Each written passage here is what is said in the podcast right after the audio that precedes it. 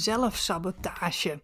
je weet dat het goed voor je is om bijvoorbeeld consequent je oefeningen te doen en toch doe je het niet. Je vergeet het, je maakt er geen tijd voor of je hebt er gewoon geen zin in. Je denkt, nou morgen doe ik het wel weer.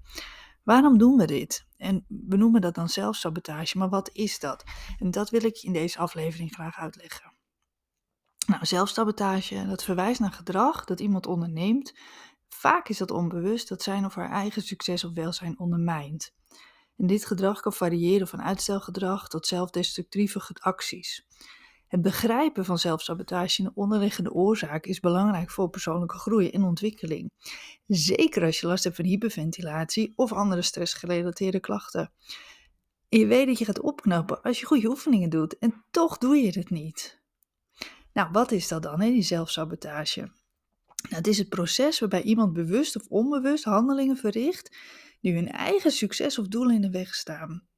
Het kan inhouden dat je kansen mist, de relaties beschadigt of niet goed voor jezelf zorgt bijvoorbeeld. Eh, voorbeelden zijn uitstellen, negatief denken, overmatig kritisch zijn op jezelf of jezelf bijvoorbeeld in ongezonde situaties plaatsen.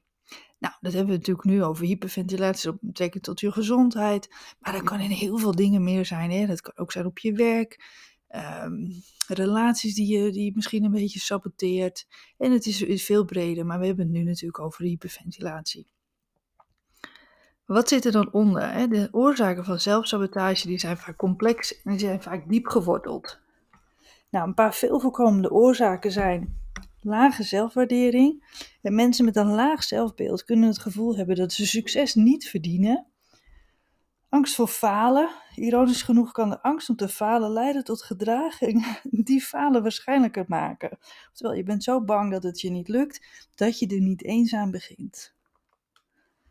Maar ook controlebehoeften. Ja, door jezelf te saboteren houden mensen op een verwrongen manier controle over de uitkomst. En het heeft ook vaak met je comfortzone te maken.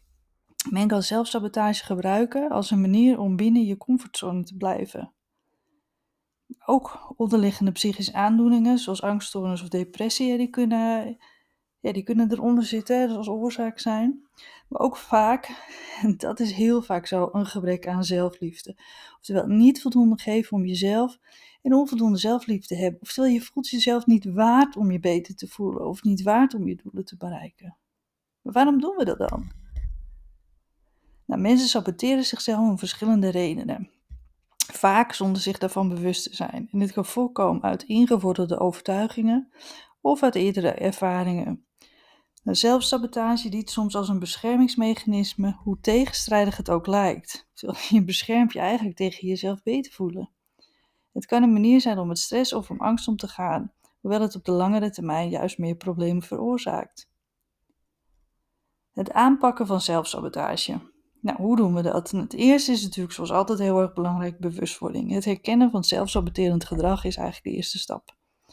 Dan zelfreflectie. Proberen te begrijpen waarom dit gedrag optreedt. En dan doelen stellen.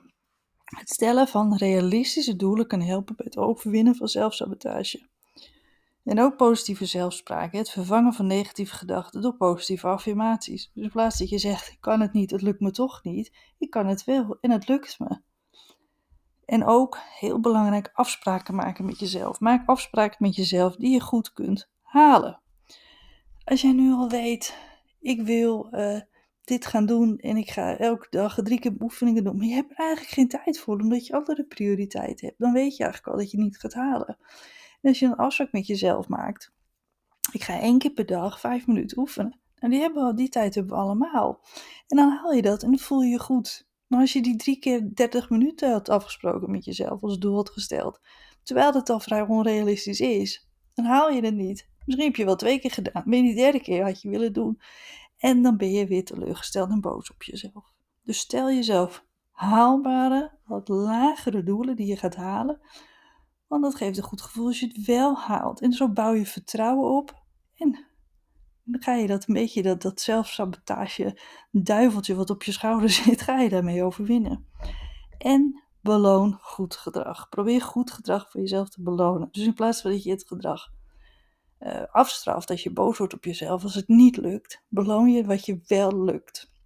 Dus elke stap die je hebt gezet in richting van jouw herstel, die ga je benoemen voor jezelf en daar ben je trots op. Dus je gaat niet kijken naar alles wat je ook nog had kunnen doen. Nee, we gaan kijken naar alles wat je wel hebt gedaan. En dat gaat je heel goed helpen. En dan heb je dat een goed gevoel. Je denkt, hé, hey, ik heb, doe wel dingen voor mijn gezondheid. In plaats van die hele lange lijst die jij wil behalen. Wat misschien niet helemaal realistisch is. Dus haalbare, korte, kleine doelen. En realistische afspraken met jezelf maken. Dat is gewoon super belangrijk. Dus als je goed gestart bent met die uh, goede voornemens dit jaar, of misschien dat je nu alweer een beetje begint te verzwakken, dat je denkt, verdorie, had ik maar, was ik maar sterker, was ik maar beter voor mezelf, dan weet je nu dat is zelfsabotage en ook dat kan je overwinnen. Nou, luister zeker nou ook nog even naar alle andere podcastafleveringen of kijk op mijn website www.hyperventilatiecoach.nl.